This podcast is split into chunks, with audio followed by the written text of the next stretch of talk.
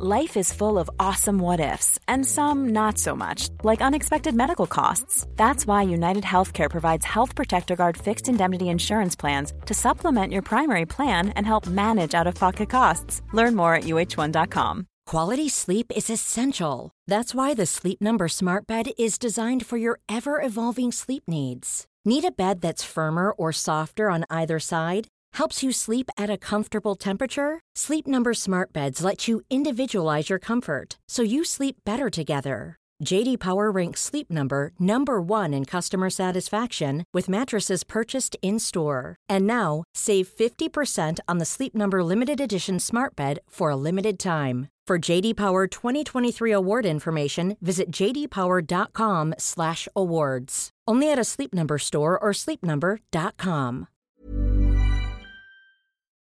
Hej och välkomna! The showpremiär Aftermath. Ska vi ta och rivstarta med ett klipp från showen? Ja!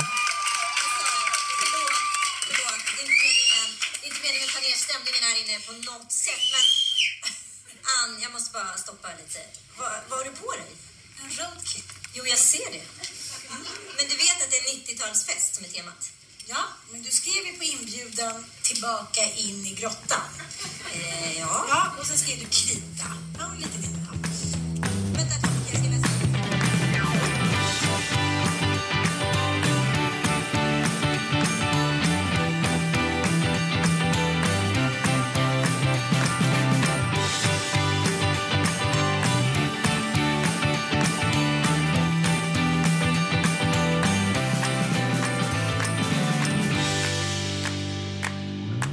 Hej! Vi vill gärna varna lite för den här podden. Alltså, den kommer bli härlig och rolig och så, men vi är lite kolade i huvudet. Får man säga så? Ja, det är väl ingen som kommer göra några konstiga... Vi är sega. Ja. Alltså, Helt så här, premiärsega. jaha, du menade att jag gjorde något så här att vi hade tagit kokain? Nej, Coca-Cola.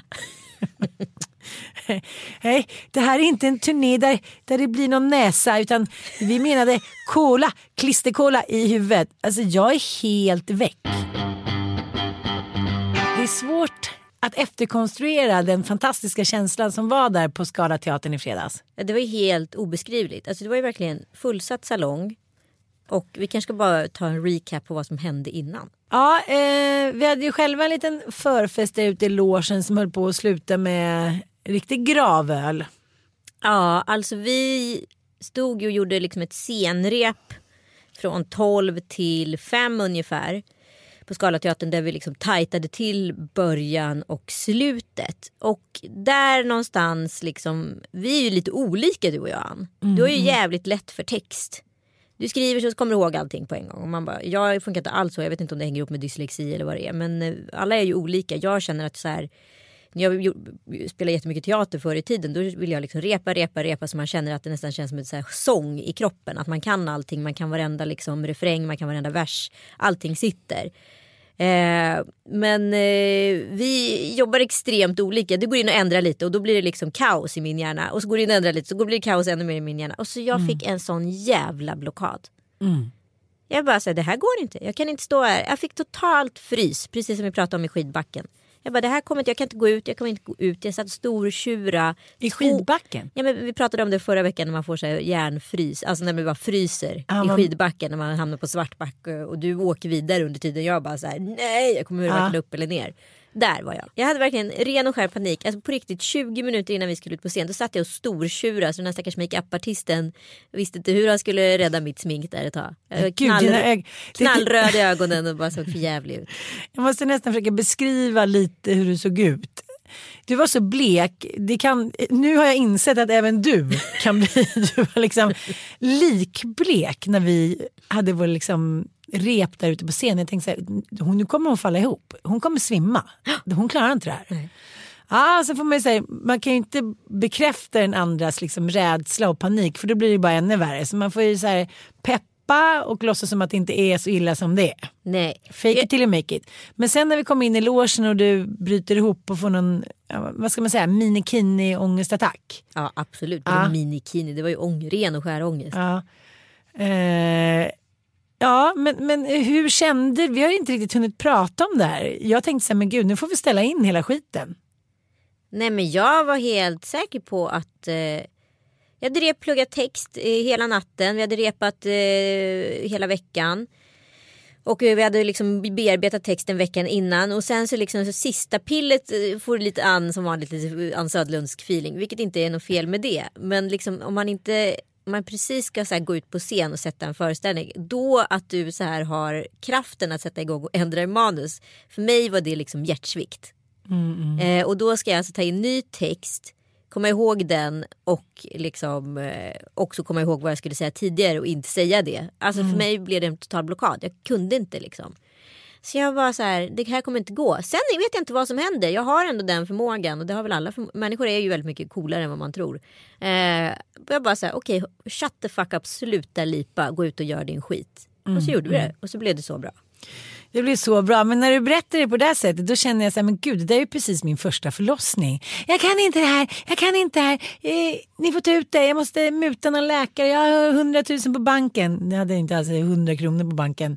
Men sen är det så här, då, där måste man ju också ha någon som är starkare exakt just då. Har man inte det, tänk om vi båda hade så här, det skulle också kunna hända. Ja, ja, ja. Man har en barnmorska som är så här, okej, skärp till det nu. Kvinnor har gjort det här i tusentals år, miljoner år typ. Ut med den där skiten nu bara. Ja. Krysta ut ungen. Då gör man det ju. För man, då känner man så här, men gud, det kan inte vara en liten lort som inte klarar av det när alla andra gjort det för. Och det är lite samma sak, the show must go on. Tycker jag så här, aldrig har funkat bättre som en metafor. Nej men så är det ju verkligen. Och sen då är det inte så mycket som krävs. Men när jag har klarat första liksom, passagen där. Ja precis, när man Ja. kommit in. Ja, och då känner jag så här, shit jag satte det. Då får man ju ändå så pass gott självförtroende så då, då bara flyger ju resten. Mm. Liksom. Och så sitter folk där ute som så här skrattar och är glada och Ja, men det var ju så här, det var ju, vad var det, för typ 400 pers i publiken. Det var ju helt bananastämning. Ja, Liksom. nej, det var faktiskt helt fantastiskt. Det är så, jag måste bara säga det att alla som liksom någon gång har tänkt där, vad det än handlar om, gör en liten show på jobbet, gör det liksom med släkten lite dit. Det är bara så härligt att stå där ute och flyga som en örn. Ja. Ja. Men här hände ju någonting. Eh, Mattias var ju magsjuk de tre sista dagarna när vi genrepade. Och att då vakna på morgonen och inse så här, här finns det ingenting att hämta. Alltså hjälp från honom. Mitt i en flytt. Eh, och så bara tittar jag runt så här, okej var finns det någonstans att hjälpa? Ja, de som tur att man har så mycket fantastiska vänner som kliver in. Men att bara försöka få till det här och inte dö på kuppen gjorde att så här, min empati för Mattias, det, liksom, Den var lika med noll. Nej men det var lika med noll. Eller, det handlade inte om att jag inte tyckte synd om honom. Det handlade om att så här, om jag, om jag liksom måste lägga en procent energi på att känna empati för honom då kommer allt att falla. Så att han blev så sur och tyckte liksom du visar ingen empati för du förstår inte hur jobbigt jag har och sådär. Och det här är ju faktiskt en fundamental skillnad på män och kvinnor. Själv skulle man ju vara så, är så ledsen att jag är sjuk, du har så mycket att göra, jag ska försöka hjälpa till, eh, se till att någon kommer hjälpa till med barnvakt hit och dit. Men här hamnar ju män i sin jäkla historiska mancold. Ah.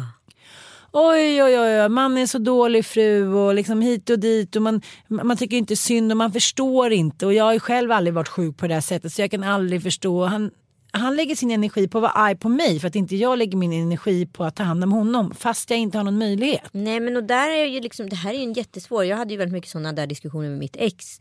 Att han tyckte att jag var alldeles för oempatisk när han var sjuk.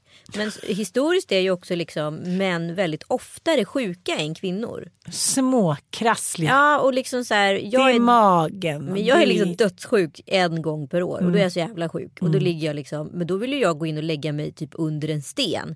Och bara ligga och vara sjuk. Jag vill inte att någon ska springa och badda min panna eller liksom dutta Känna så med mycket mig. empati. Eller du fattar, det är klart Nej men det är vill, klart man vill men liksom samtidigt så är det är ju inte så att någon ska sitta bredvid mig på dödsbädden och hålla min hand. Alltså, Nej jag inte vet, för så, så, när jag ändå rannsakar mig själv, för så var ju mitt ex också att han tyckte att jag liksom eh, var för hård. Mm. Att inte jag kunde förstå liksom, hur jobbigt saker och ting var och hit och dit. Men då är det lite så som jag säger, men om jag också eh, liksom ska hamna på den där nivån, alltså allting faller ju så snabbt.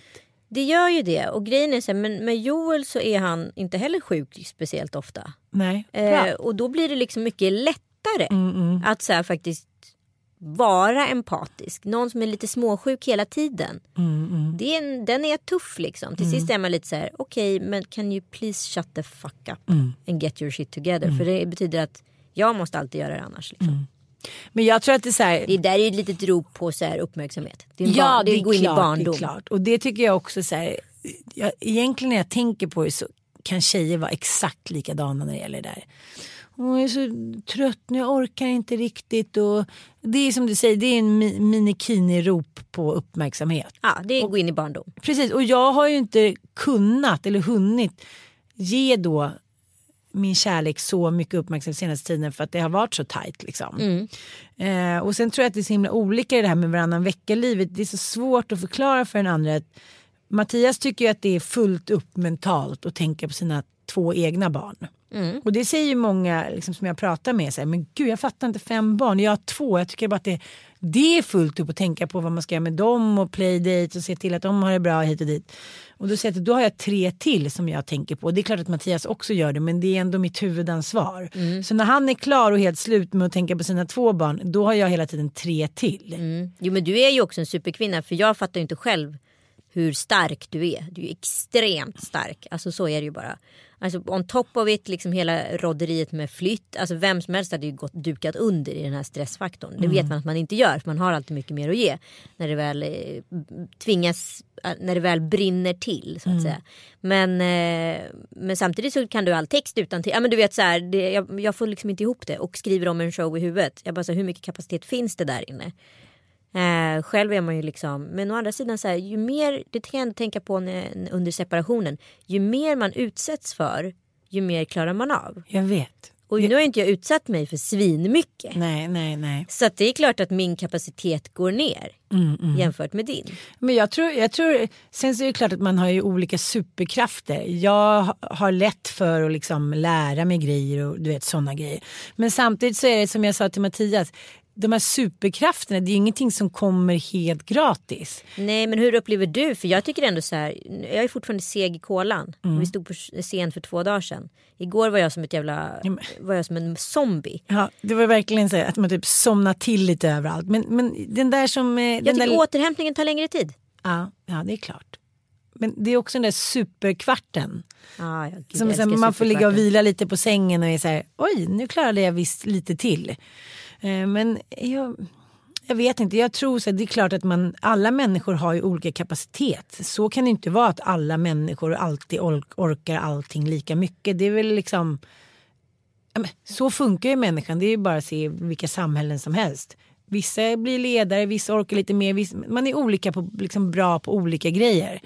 Men eh, just nu känner jag ändå så här, snälla låt mig bara för så här, lägg mig i ett hammam, skrubba mig ren typ, klipp mitt hår, bädda in mig i här dunbolster, mata mig med lite frukt och låt mig bara sova i två dagar. Ja. Ja. ja men jag fattar. Ja. Jo, Kommer det exakt. hända?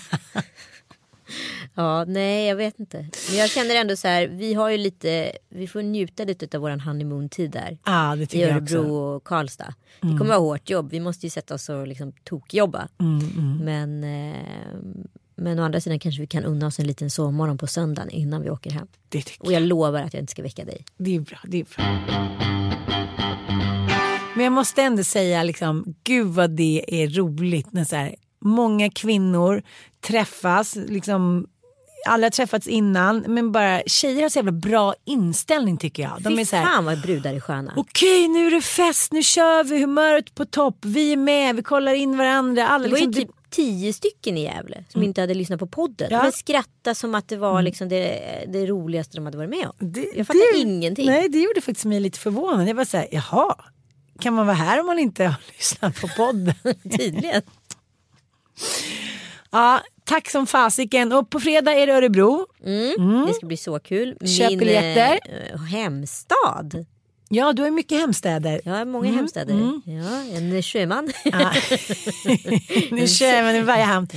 En Men- sköka. En köka i varje En hamn. sköka har en sjöman i varje hamn. Men gud, jag höll ju på att bryta benen. Men gud, I lördags. dramatik i Gävle. Utan att avslöja allt för mycket så eh, någon gång under showen så tar jag Anita på ryggen och jag hade alltså klackar klackar som eh, min kompis Lotta, hon har lånat ett par skor till mig. De måste ju vara 20 centimeter höga. Nej men de är nog i alla fall 12. Men Ja. du blir ju 20 centimeter längre. Ja, men, ja, och sen skulle jag då ta dig på ryggen och vara supertrött så att jag bara ramlar. Ja. Jag skrapade upp eh, smalbenet och du trodde jag var helt säker på att du bröt foten. Det var en sån här, det var en isande sekund av tystnad mellan dig och mig. För Det var så här, vem är skadad? Vem överlevde? Vem överlevde fallet? Vem fortsätter showen? Ja. Och vad gör vi om foten är bruten? Nej, men liksom, Jag tror så här, när man är sådär trött ja, då kommer man bara eh, rassla in och Jag typ, tänkte så här, i vanliga fall när man det, råkar skära sig eller man håller på att halka till någonting. Då hinner det gå 60 000 tankar och bilder genom hjärnan. Nu var det bara som att det var så här svart. ja. Jag liksom föll. Så att jag tror att då är kroppen inte inställd på någonting. Nej men det är som när man är typ full och ramlar. Man slår Ja. sig mindre än när man är Ja, men ja, eller hur? Ja. Men det var kul i Gävle men det var en helt annan typ av publik. Plus att så här, på Scalateatern så såg ju vi liksom inte riktigt publiken för vi Mm. hade strålkastare i ögonen. Och här var det ju liksom en sal där vi såg varenda kotte som satt där i publiken. Men som att du och jag sitter här just nu. Ja. Ja. Och det blev ju, alltså det var så läskigt periodvis. Fast samtidigt svin här. Alltså det var någon så här helt konstig mix. Det var någon kvinna som tog- upp telefonen, tog ett samtal mitt i och man bara så här drabbades av så akut dåligt självförtroende och bara så här, gud vi är så dåliga. Men sen blev jag ändå så här glad att vi rådde hem det. Det var Man lite får rörigt. liksom kämpa lite mer känns det som. För att man måste känna in publiken på ett helt annat sätt. När man inte riktigt ser publiken då kan man ju köra sin egen show på något sätt. Och det blir ändå bra. Ja men det var ju lite rörigt, vi var ju trötta. Ja, jo det var det. Men, Ja. men eh, Men så dro- drog vi ändå hem en trea i betyg och det är liksom vad Alex och Sigge har fått för alla sina shower och allting. Jag är ju så nöjd måste ja, jag säga. jag också. Jag var, var så glad när du skickade den där recensionen. Jag bara Jeho! Men jag tror också att det handlar om Okej, vad vill man ha ut av livet? Ja, men så här, skratt, kärlek, fest och liksom någon form av att man ska lära sig någonting. Sen spelar det liksom ingen roll i vilken ordning riktigt det går. Förstår du vad jag menar? Och jag tycker det är samma sak. Vad säger att en show är bra då? Är det att man går därifrån och har skrattat liksom så man har ont i magen och känt massa systerskap och kärlek? Eller är det liksom att replikerna kommer exakt i rätt ordning hela tiden? Vad tycker du? Nej, nej, nej, jag tycker inte det. Jag tycker bara liksom, det blir två olika typer av show. Liksom. För när man är sådär trött och, och, och så, då måste man ju liksom maximera sig själv på något sätt. Ja, absolut. Det För är att man liksom, man- ja, och då får man ju släppa liksom showen på ett sätt och göra någonting eh, bra utav situationen. För vi, om vi ska vara ärliga, vi missade massa repliker till varandra och då har man inga stick som det heter. Och då fick var det tvunget att freestylas lite men å andra sidan vet ju inte publiken vad som ska Nej. komma ska. Men freestylingen blev ju också väldigt rolig. Den blev väldigt, väldigt bra. Så att säga, jag vet inte, jag, jag tycker också att det är roligt att vara ute på turné på det där sättet och möta publiken och helt plötsligt så hamnar man i en, i en rolig liksom, röd tråd bara för att man ser att publiken tycker det är kul. Så plockar man upp det och så, så pågår det ganska länge. Ja, det är väl lite som eh, Bolibompa-sexet. Precis. Men- Metaforer vi minns. Åh, vad vi är trötta idag. Gud, när man är så trött då känns det som att man liksom man känner sig så avslappnad. Jag tänker så här, gud vad skönt det vore att bara åka hem nu, strunta i den där flytten och bara ligga lite med Mattias och kolla på en romcom och käka chips med dipp. Ja, köra matet serierace. Det är så himla skönt. Det är nästan lite som att man har fått en så här en jäkligt hård förmassage.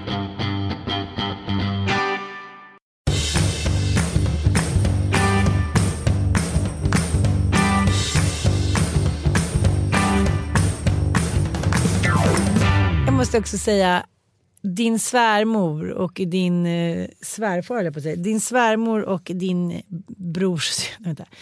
Din svärmor var ju på showen och även eh, Joels lilla syster. Ja, Eh, så gulliga. så gulliga. Ja, verkligen gulliga. Men grejen är att showen handlar ganska mycket om dina exmän.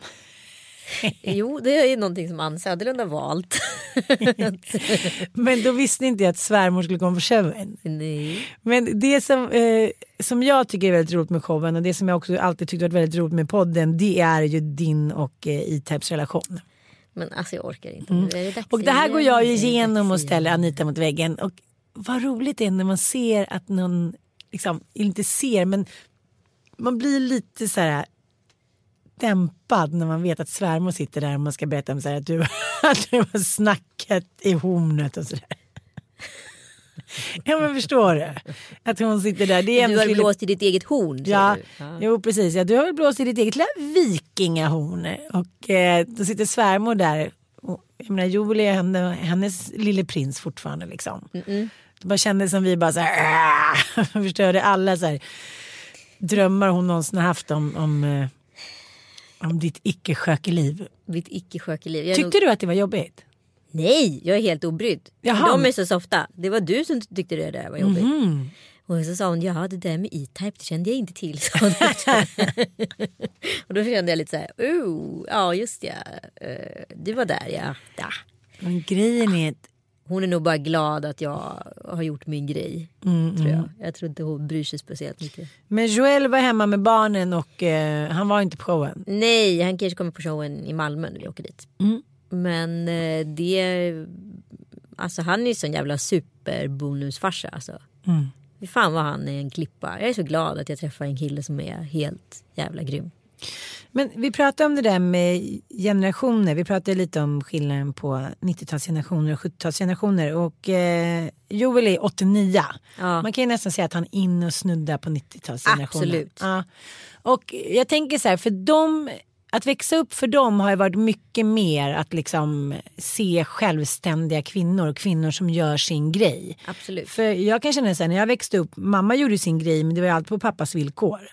Hon gjorde sin grej där pappa jobbade. Ja. Om man ska jämföra så här att växa upp på 80-talet var ju mycket mer liksom ska man säga, nybygga Sverige-anda. Lite som det är i USA fortfarande. Det var inte jättekonstigt att man flyttade liksom var tredje år för att Nej. hitta ett nytt jobb. Och eh, man kunde faktiskt om det knep klara sig på en lön också. Mm. Man hade ju inga utgifter. Vad fanns det utgifter på? Man gick till pizzerian en gång per år eller käkade Kina-mat liksom. ja, för annars lagade man mat hemma och mat var ju otroligt liksom. Ja, det var ju 7% i kostnad på en månadslön. Ja jag vet. Om jag Idag tänker så här, mina barn, nu bor ju vi i och för sig på hotell och, och väntar på vårt eh, liksom, hus som vi ska få om typ tre veckor. Men för dem är det så här, att käka ute, det är liksom inte någonting. För mig att käka ute under uppväxten, det var en stor grej. Mm. När vi åkte på charter då hade man så här halvpension. Mm. Åt man där på kvällen och man visste alltid så här, det, med maten var det ordning och reda. Mm. Nu är det inte så längre. Nej, nej, nej, inte på samma sätt i alla fall. Nej men det är här, för dem är inget konstigt och liksom jag swishar till deras kort och de går ut och käkar middag. Det är ju så här, det hade ju varit liksom galenskap när jag var i deras ålder att jag skulle säga gå ut och käka på restaurang själv. Jag är ändå så här impad av hela generationen som sagt men också utav honom som är så här. Han har inte riktigt haft någon så här superlång relation innan. Och sen så bara kliver rakt in i så här tvåbarnsmammas liv med hennes små barn och liksom bara eh, inga konstigheter. Och nu eh, om eh, några veckor har ju vi faktiskt varit ihop i ett år. Så vi firar ett år på Maldiverna. Åh oh, vad roligt, vad ska ni göra då? Ja, vad ska vi göra då? Ja, vi kanske spelar lite tennis, vem vet? Ja, ni är verkligen, på ett år har ni utvecklats till som att ni har varit ihop i 25 år. Jag Lite vet. som ett pensionärspar och du verkar ändå nöjd med det. Jag älskar mitt pensionärsliv. Eh, Han, eh, han är alltså- 29, nyfyllda 29 och lever som pensionär. Ja, Men han kommer alltid leva som en pensionär. Ja, ja alltså han är ju färdigutvecklad. Ja. Alltså, men det, det, det finns ju forskning på att man utvecklas fram till man är 28 och sen är bara livet egentligen en upprepning. Så kan man Mhm. addera på barn och liksom sådana saker men man är färdig och sammansatt som person vid 28. Jaha, Mm. Men det stämmer nog ganska bra. Jag tror inte liksom, inte på dig och mig. men vadå, tycker du att vi har utvecklats? Du vill snarare att vi fortfarande är som 28. Ja, ja, Ja, men det kanske så är det så. stämmer ja. väl. Ja. Men då, är det, ju- då blir man aldrig äldre än 28. Nej, Det är superbra ja. Ja. The show must go on. precis. Livet går fort tycker jag. Jag tänkte på det nu när Ja, du är snart showen. 100. Jag förstår. Ja precis. Nej, men jag bara kände sen när jag gjorde showen. Jag bara men gud jag vill göra det här massor av gånger. Jag vill göra massor av roliga grejer. Vill, det här måste vara året då jag reser. Så, ja, det är alltid året då du reser. Men jag bara känner så här. Det öppnar ju också. Liksom, när man öppnar de kreativa kranarna liksom på vid gavel. Då insuper man ju livet på ett helt annat sätt ett tag tycker jag. Mm. Då, blir liksom, då finns alla möjligheter där. Om man bara miniöppnar kranarna liksom lite då och då, då tuffar det på. Men när man så här, öppnar dem på det här sättet, man bara så här, som man gör när man ändå utsätter sig för en sån här grej utan att ha liksom direkt någon i ryggen. Mm. Utan vi har ju liksom skött det mesta själva. Vi har ju gjort allt själva Mm. från början till slut. Vi har ingen bokningsbyrå, vi gör ingenting. Vi gör ju allt från Mm. grunden. Alltså, Ja, du har ju varit vår bokare. Så har vi haft Julia som har hjälpt oss, Duvenius. Ja, Julia Duvenius och sen så har Julia Frey hjälpt oss med musik. Men eh, så att, det där vi pratade om innan att allt är möjligt och man klarar så mycket mer än vad man tror. Den känslan blir liksom inte mindre för att man blir äldre på något sätt. Förstår du? Nej, absolut inte. Nej, Precis så, så varje, och det tycker jag blir lite som en på nytt födelse. Man bara okej, vad ska vi göra härnäst? Vad ska man göra? Det, man klarar allt. Man klarar verkligen så mycket, mycket mer än vad man tror. Det behöver inte vara det att man ska sätta upp en jäkla show. Det handlar om att utmana sig själv och liksom våga fortsätta göra det. Mm. Mm. vi är så borta. Kanske ska gå och ta en varsin massage. Nu är jag hungrig också. Gud, jag har ätit så mycket. Det, är som att, det känns som att man förlorar så mycket energi. Så man bara så här, jag vill bara äta hela tiden. Små hamburgare, lasagne, godis. Jag måste bara så här, fylla på och kompensera all den energi som jag gör av med. Och det handlar inte om att jag gör av med, oh, jag gör av med 60 000 kalorier. Utan bara att man gör av med så mycket av sin inre kompost. Att man, jag känner mig helt liksom, tom i magen hela tiden. Ja, nej, men jag känner mig så här, jag känner mig som att det är no, jag är inbäddad i kola. Mm. Det är sekt. Det är inte fräscht där inne. Nej. Det är liksom rörigt. Jag har inte tvättat håret heller sen typ i torsdags. Så att jag, eller onsdags. Och jag har inte kammat det heller. Så jag börjar bli liksom. Jag börjar bli en premiärsköka. eh, jag måste bara prata om en rolig grej. Nu börjar det faktiskt bli lite mer vår. Jag vet inte hur många gånger Mattias sa igår så här. Och vilket väder det blev. Jag bara, ja visst, ja, whatever typ. Och det är rätt kul när man så här, tar reda på om det finns något så vetenskapligt belägg över att man ska bli lyckligare av att få vårkänslor. Och eh, då är det en hjärnforskare som heter Helena Backlund Wassling som är hjärnforskare på Sahlgrenska akademin i Göteborg. Och hon säger så här, det handlar nog mycket om erfarenhet och inlärt beteende. För jag menar, om man kollar på barn, och det tänkte jag också på med Bobo och grabbarna, de verkar ju inte reagera särskilt mycket på att solen är tillbaka. Liksom. Det är inte så här, åh titta mamma, så ljust det är, så lycklig blev jag. Eh, och just det här med dofter har en förklaring till att vi liksom känner att det blir vår. Att man, helt plötsligt känner man blåbärsdofter, det kommer blommor och, och känslor, liksom, doft och känslocentret ligger ju varandra otroligt nära hjärnan. Och det tycker jag är så, ja, men en doft kan ju framkalla sådana otroliga känslor. i. Fast jag upplever att barnen verkligen känner skillnad. De såhär, är det vår nu? Är det vår nu? Jaha, Ja, Tom Allan frågar hela tiden. gör han? Är det vår? Nu är det ingen snö här. Nu är julen slut säger han. Helena Backlund Wassling, du har fel. Nej, men, Men kom inte ihåg, alla, blir ju så här, alla människor blir ju snygga på våren. Och det har egentligen inte hänt någonting förutom att vi börjar sätta på oss lite färggladare kläder. Vi börjar kanske sträcka på oss lite, titta uppåt istället för att titta neråt och gömma oss för snön eller kyla. Vi Men- rätar ut, vi sträcker ut våra kroppar och det är liksom det är ju något jävla förlösande med den här årstiden. Jo, jag vet, men jag tänker så här. Nu skulle inte jag vilja leva i ett land där det inte finns olika säsonger eller där det inte finns olika årstider. Men att det kunde varit lite mer sol. För jag tänkte i somras var ju vi på Gotland hela sommaren. Och sen så var det ju pissväder liksom. Det var kallt och hit och dit. Och så sa vi så här. Ja men nu får vi hoppas på nästa sommar. Ungefär som att man skulle leva forever. Det är så här ett år till nästa sommar. Mm. Och likadant när vi kollar på, eh, när vi pratar om förfesten så sa jag, men varför gillar vi i Sverige, varför är vi så bra på förfesta? Och så kollar man lite då ut i Europa där det är så här fint väder, man sitter ute liksom. Vädret är en sån självklarhet. De behöver inte ens referera till väder. Nej men alltså vädret är ju allting. Kolla till exempel att bli pensionär i Sverige. Man blir instängd på en jävla pensionärshem. Om en, liksom, det sitter två tanter typ och dricker ett glas vin. Då, måste, då tänker man så men gud. Det här måste vara typ så här två rika Östermalmstanter som uh, jag menar när man är på liksom var som helst i Spanien på Mallis då sitter det så här tre små tanter i 80-årsåldern med så här krulligt hår och små kjolar här, och skrattar och gaggar och dricker bubbel liksom. Alltså vi måste ändå, jag vet inte, skulle man kunna bygga några så stora solsalar med så här unka-dunka party dit pensionärer kan gå? För att så här, jag håller på, alltså att bli pensionär i Sverige det är ju för fan som, då kan man ju lika gärna hoppa från en bro. Håller med. Jag tycker det är så otroligt tråkigt. Jag fattar inte varför vi är så jävla inskränkta här. Då är vi fortfarande så otroligt åldersfixerade. Nej men det som man ser som det tenderar till att vara nu för att så här Den stora allmänna pensionen den kommer inte vi överleva på. Och det är jättemycket grejer med pension som vi borde kunna prata om. Till att börja med så ska man ju checka ut den, den vad heter, allmänna pensionen först. Sen ska man ta ut tjänstepensionen. Den ska ju brännas först. Folk gör ju tvärtom. Det är ingen som pratar om de här sakerna. Eh, och sen ska man använda sina liksom, egna besparingar helt enkelt. Förr i tiden såg det ut ungefär så här. Man fick sitt första jobb när man var 18 efter, efter vad heter man hade tagit studenten. Ja, 18-19. Och så jobbade du fram till du var 65. Och så fick du din guldklocka och så gick du i pension. Och sen så var du ledig i 20 år, sen trillade du av pinn. Idag börjar du i snitt jobba vid 25 till 27 år.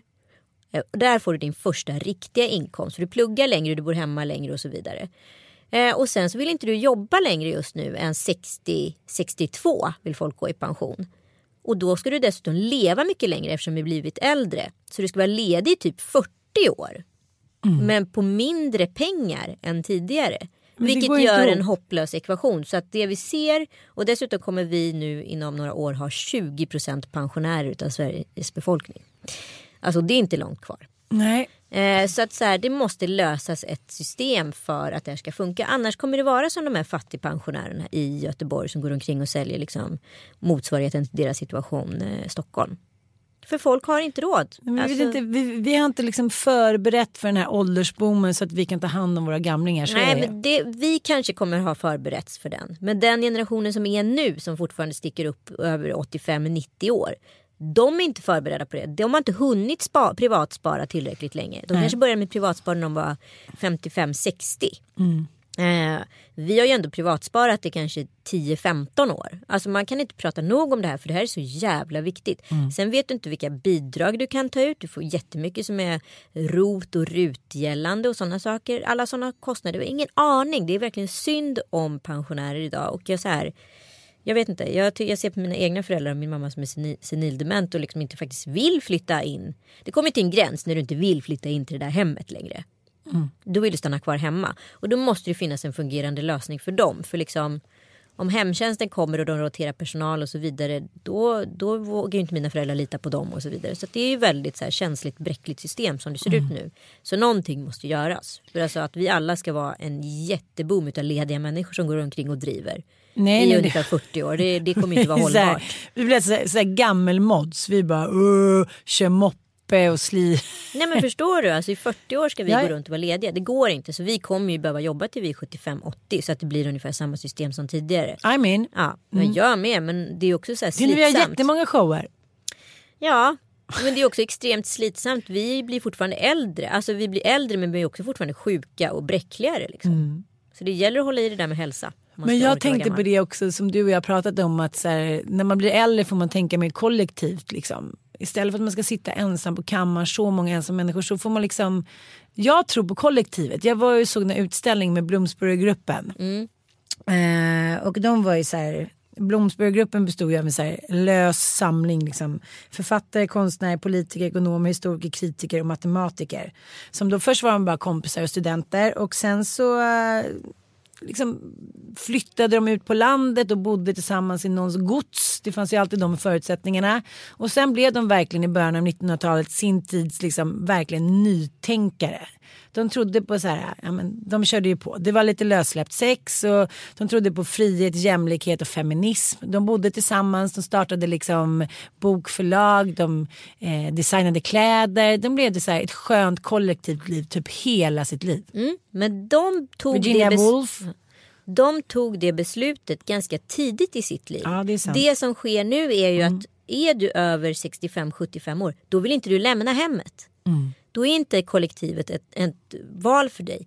Vi som är liksom i vår ålder, vi kan ju spekulera och tänka så här, gud för fan vad soft om vi bara flyttar till ett hus och så här, alla våra polare bor där och så har vi typ så här gemensamhetsutrymmen som gym och så här kök och det bara ah så nice. Mm. Det beslutet har vi tagit nu. Ja, det skulle aldrig gå. Nej, men då finns det också en bräcklighet i det. För låt säga att, då att vi är ett gäng på tio personer som flyttar ihop och så kommer allt vara toppen och halabaloo. Och allting är liksom som en liten utopi på pappret. Ja, och så går eh, Britta och dör. Ja, och då ska det komma in någon ny människa där som vi kanske inte alls gillar med gruppen. Så kollektivet är också extremt bräckligt. Det är ju bara baserat på att det är samma kärngrupp som vill samma saker hela tiden. Precis, men så var det också att på, liksom på den tiden och kanske just där då lite överklass England så fanns det alltid kuratorer. Så här, ja, men så här, konstintresserade tantaloror och gubbar som så här, såg till att gruppen hölls flytande.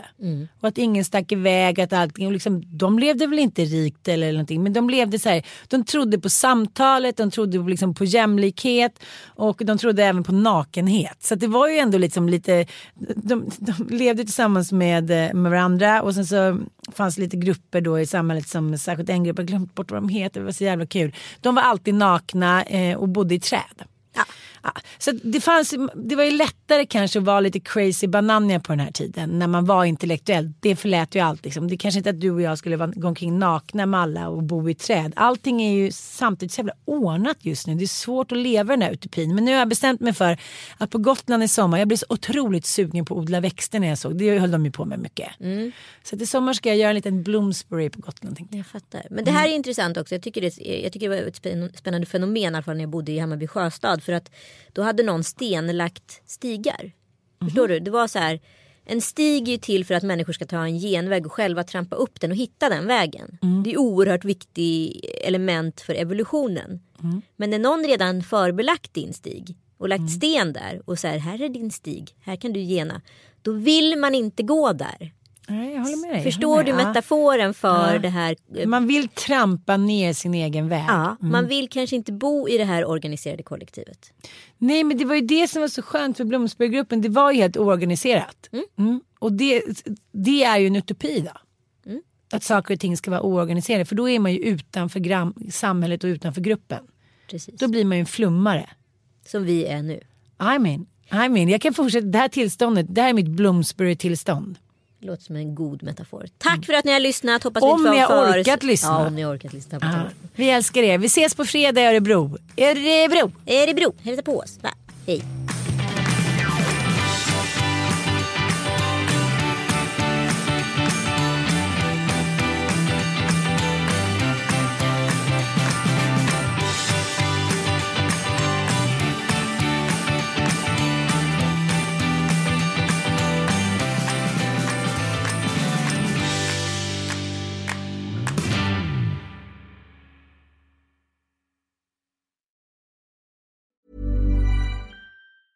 Ever catch yourself eating the same flavorless dinner three days in a row?